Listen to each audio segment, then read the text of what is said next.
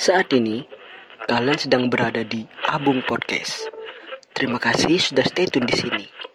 Buat kalian yang baru mendengarkan, jangan lupa ikutin terus Abung Podcast dan selalu stay tune agar kalian tidak ketinggalan episode-episode selanjutnya.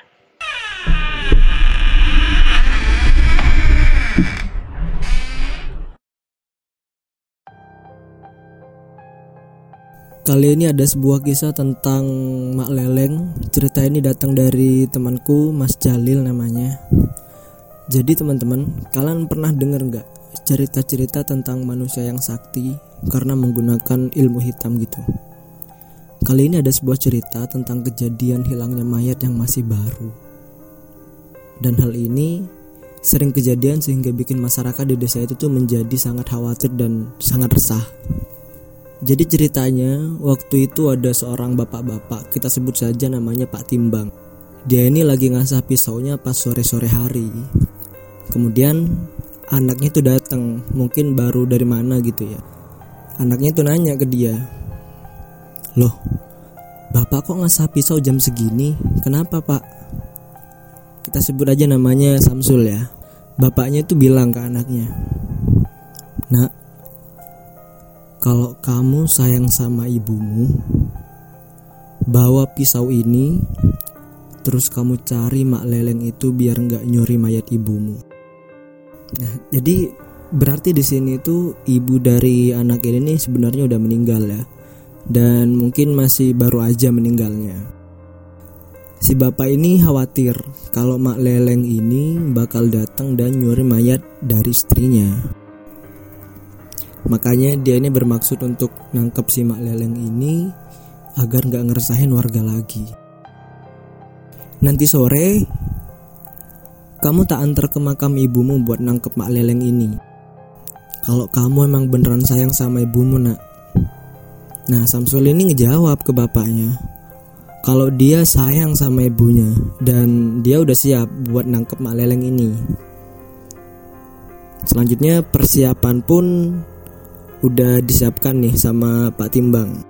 Pisau yang tadi udah diasah dikasih ke anaknya, terus Samsul ini dip dipakein kain kafan dan dipakein minyak layaknya orang meninggal gitu ya. Akhirnya Pak Timbang nganterin Samsul ke makam ibunya. Sebelum nyampe ke makam, Samsul ini berwasiat ke bapaknya. Kalau semisal besok aku nggak datang, berarti aku udah mati. Tapi besok kalau aku yang datang, berarti Mak Leleng yang udah mati. Iya nak, kalau emang kamu meninggal, Bapak udah ikhlas. Intinya kamu sudah membuktikan kalau kamu benar-benar berjuang buat ibumu. Sebenarnya Pak Timbang ini juga dengan berat hati buat ngasih tugas ini ke Samsul, tapi karena Samsul juga sudah siap dengan apa pun resikonya, jadi Pak Timbang tetap melaksanakan hal ini. Sesampainya di makam ibunya, Samsul ini diletakin pas di atas makam ibunya. Digeletakin aja, ya kayak orang meninggal gitu. Posisinya sudah pakai kain kafan dan penutup pakai kapas. Nah, di sini jika ada mak leleng itu asalkan nggak bernapas itu ya nggak bakal ketahuan. Pak Timbang sebelumnya juga udah ngasih tahu ke Samsul kalau nanti mak leleng itu datang terus bawa si Samsul dia disuruh jangan napas. Agar nggak ketahuan kalau dia itu manusia yang masih hidup.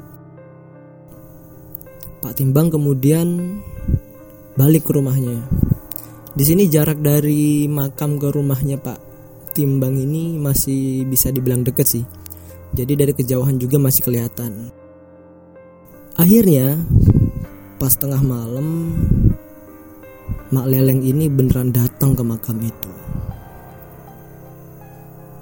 Itu siapa yang ngambil mayat? Kok digeletakin gitu aja? Kalau gini kan gak usah repot-repot buat gali. Dari kejauhan Pak Timbang ini ngeliat. Kalau Mak Leleng ini datang dan mau bawa Samsul.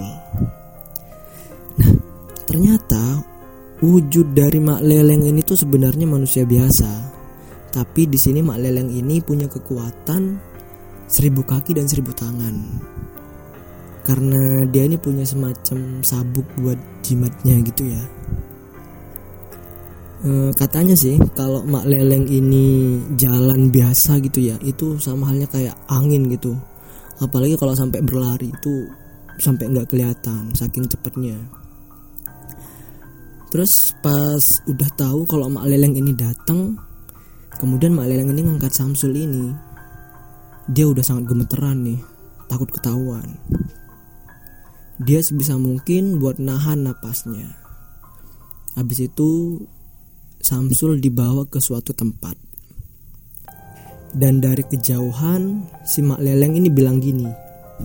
Bu Leleng, ini lauknya udah dateng. Dia ngomong kayak gitu. Terus pas nyampe di tempat itu, Samsul ini diletakin Terus Mak Leleng ini nyopot bajunya dan ngelepasin sabuknya ini. Nah, karena Samsul udah tahu kalau kekuatannya ini dari sabuk itu, dia nunggu Mak Leleng ini lengah.